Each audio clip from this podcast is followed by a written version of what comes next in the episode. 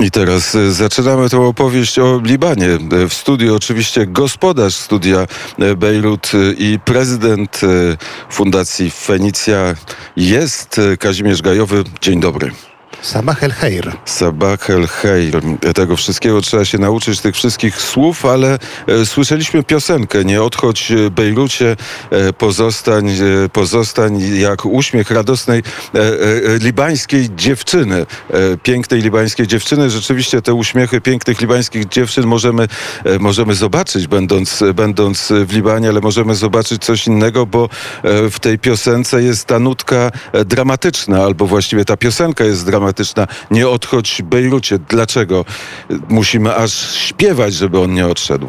E, dzień dobry, tym razem po polsku z Biblos ze studia e, Bejrut. Tak, e, jak każda piosenka ma zawsze swoją historię, historię ludzką albo historię świata, historię państwa, w tym wypadku historię miasta.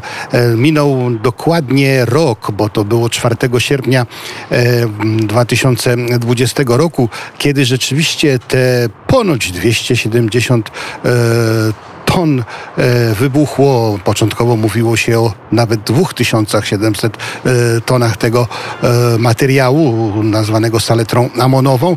Ja się pojawiłem praktycznie na drugi dzień nad portem, którego nie było.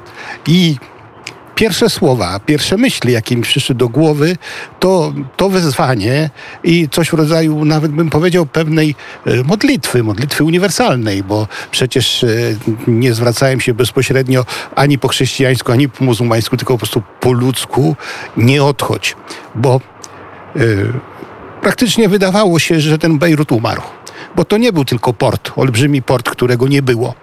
To była też jedna trzecia miasta, która no praktycznie y, no, była trupem trupem, bo y, wszystkie okna praktycznie, wszystkie drzwi, y, dachy, sklepy, wszystko po prostu było tak jakby wyprute, jakby wybebeszone. Takie określenie mi wtedy przychodziło do głowy. Mówiliśmy przecież wiele razy, że ten wybuch spowodował ponad 200 przypadków śmiertelnych, co było bardzo mało. E, było to spowodowane między innymi dwoma czynnikami tym, że to była już godzina e, tutaj w Libanie 18.06, e, e, czyli praktycznie ten główny korek samochodów, który przejeżdża obok portu, już przeminął. A druga rzecz, silosy. Silosy na zboże, które dzisiaj są jakby symbolem tego, co się stało przed rokiem. Te silosy wybudowane kiedyś jeszcze przez byłą Czechosłowację bardzo solidnie sprawiły, że ochroniły większość miasta po prostu ta fala uderzeniowa, zwłaszcza która poszłaby na Bejrut Zachodni, który praktycznie nie doznał żadnego uszczerbku, po prostu by zmiotła nie tylko jedną trzecią, ale praktycznie całe miasto. Stąd ta pieśń, nie odchodź Bejrucie, pozostań nie tylko dla Libanu, pozostań dla świata, czyli tym miastem takim międzynarodowym, e, kosmopolitycznym, e, gdzie po prostu wszyscy mają prawo w nim żyć. Tak przynajmniej do tej pory, e, do tej pory było. O Bejrucie, o samym Bejrucie będzie okazja porozmawiać. Planujemy, co z tych planów wyjdzie, zobaczymy, ale planujemy e, poranek z Bejrutu. To będzie e, w najbliższy e, czwartek, ale teraz wejdźmy trochę w tę sytuację polityczną Libanu, która jest bardzo trudna. Widziałem, że dzisiaj sprawdzałeś wiadomości. Wiemy, co powiedział lider Hezbollahu, że jest gotowy do wojny z Izraelem, a co powiedział patriarcha? No, patriarcha po raz pierwszy jako jedyny no, z wszystkich takich powiedzmy y, osób, które są po w Libanie znaczące, powiedział wyraźnie z imienia i z nazwiska, że winę za tą sytuację ponosi Hezbollah i jego e, szefowie. Do tej pory zarówno przywódcy polityczni, jak i zwłaszcza ze strony chrześcijańskiej, jak i sam patriarcha mówił o tych sprawach w sposób taki enigmatyczny, nie bezpośredni. Wczoraj rzeczywiście powiedział po prostu po imieniu. E, na dodatek e, zdanie z wczorajszej homilii, które e, poruszyło szefów Hezbollahu, brzmiało mniej więcej tak.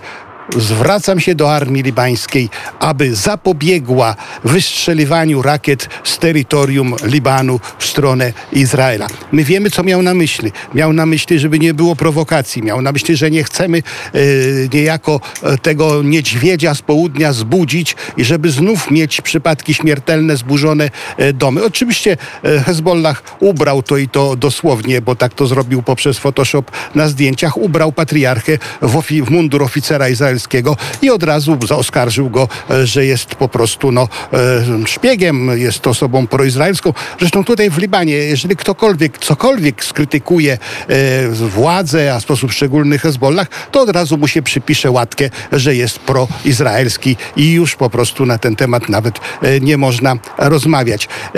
Te słowa, które wypowiedział szef He- Hezbollahu Nasrallah, że nie chcemy wojny, ale jesteśmy gotowi do niej i jeżeli będzie trzeba, to na pewno tą wojnę zwyciężymy, to nie są takie znowu puste słowa, bo kto pamięta, kto się interesował e, wojną z roku 2006, e, tak zwaną wojną między Izraelem a Hezbollahem, nawet nie Izraelem, a Libanem, Hezbollahem, to rzeczywiście e, to, co obiecał swoim partyzantom e, szef tego ugrupowania Hassan Nasrallah, tego dokonał. Dokonał, no bo e, zwyciężył, ponieważ nie przegrał, a Izrael przegrał, ponieważ nie zwyciężył.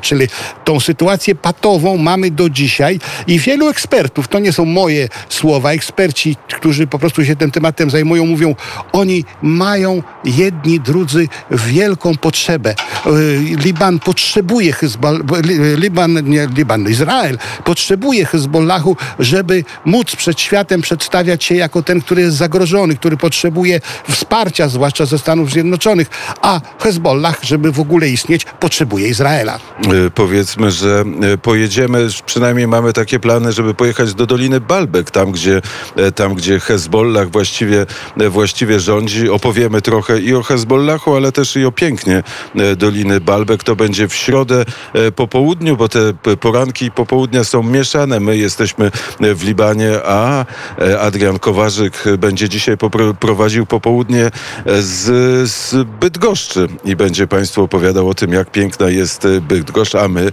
e, będziemy chwalić e, Liban. Liban, w którym, który jest pogrążony w wielkim e, kryzysie gospodarczym, w wielkim kryzysie politycznym, ale to nie znaczy, że to jest Liban, który zapomniał o tej części życia, która jest zabawą. Teraz posłuchamy takiej piosenki, przeboju, 33 miliony odsłon na YouTubie.